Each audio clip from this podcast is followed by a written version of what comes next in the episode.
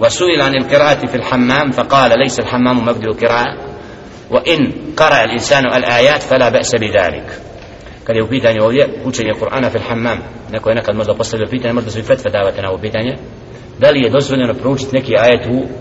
hammamu misli se tuširam da ti ne da proučiš neki ajet kaže da to prezire jer to nije a ako bi neko proučio možda je ajet tako znači ne, ne znači da je učinio neki veći haram ali u osnovi nije mjesto znači na tim mjestima da čovjek ističe Kur'an.